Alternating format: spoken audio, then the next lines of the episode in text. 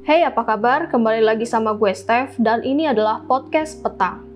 Kalau di episode perdana kemarin kita sudah bahas tentang perbedaan seks dan gender serta arti dari feminisme itu sendiri, nah kali ini gue mau membahas mengenai permasalahan yang sering banget dialami oleh perempuan di Indonesia, yaitu kekerasan terhadap perempuan baik di ranah privat maupun publik, perkawinan anak di bawah umur, tindakan catcalling di jalanan, kesenjangan gaji antara perempuan dan laki-laki, pelabelan negatif, serta pembatasan hak perempuan untuk mengekspresikan dirinya sendiri.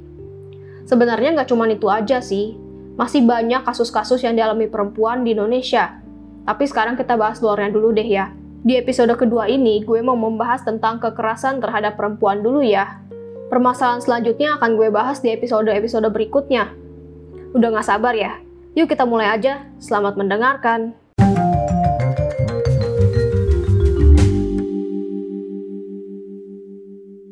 Kekerasan terhadap perempuan. Kayaknya udah nggak asing lagi ya di kuping kita. Karena memang inilah yang sering banget dialami oleh perempuan. Salah satu penyebabnya tidak lain dan tidak bukan adalah budaya patriarki yang menyeruak di Indonesia. Kalau menurut kalian, kira-kira kekerasan di wilayah mana nih yang paling banyak terjadi? Di tempat tinggalkah? Di transportasi umumkah? Di tempat kerja? Di sekolahan? Atau bahkan di instansi negara. Nah, kalau kalian udah nebak, jawabannya dikip dulu ya, karena sekarang gue bakal bahas rincian masalahnya nih.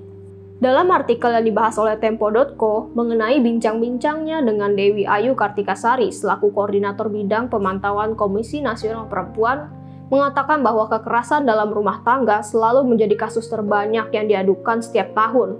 Beliau mengatakan bahwa jumlah kasus KDRT yang diadukan selama tahun 2017 ada sekitar 300 ribu kasus.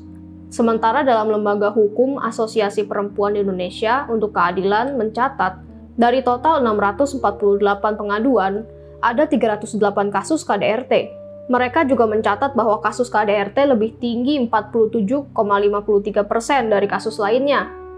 Komnas Perempuan juga mengatakan bahwa pengaduan kasus kekerasan terhadap perempuan pada tahun 2018 meningkat 14 persen dari tahun sebelumnya loh. Kalau dilihat dari sisi positifnya, peningkatan pengaduan ini membuktikan bahwa semakin meningkatnya kesadaran masyarakat untuk mengungkapkan kasus kekerasan terhadap perempuan dan semakin membaiknya mekanisme pencatatan dan pendokumentasian kasus-kasus kekerasan terhadap perempuan di lembaga-lembaga layanan. Namun sayangnya, wilayah tertinggi yang mencatat angka pengaduan kekerasan terhadap perempuan adalah Provinsi Jawa Tengah, Jawa Timur, dan DKI Jakarta. Kalau dilihat dari data box juga, jumlah kekerasan terhadap perempuan yang dilaporkan di Indonesia cenderung meningkat dalam kurun waktu 11 tahun.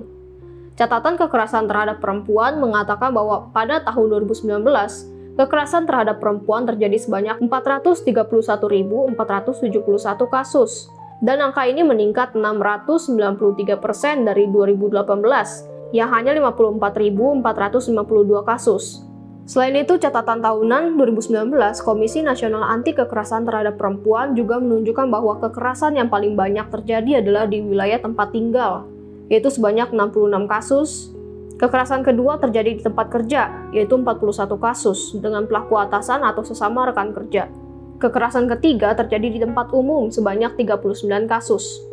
Nah, kalau jawaban kalian tadi adalah di wilayah tempat tinggal, kalian bener banget tuh dan sayangnya, DKI Jakarta merupakan salah satu wilayah yang paling tinggi akan kekerasan terhadap perempuan. Maka dari itu, kita harus waspada dan harus berani melaporkan kasus kekerasan yang terjadi, baik di tempat tinggal kalian maupun di lingkungan sekitar. Karena dengan demikian, setidaknya kalian sudah membantu para perempuan untuk berani melawan tindakan kekerasan tersebut.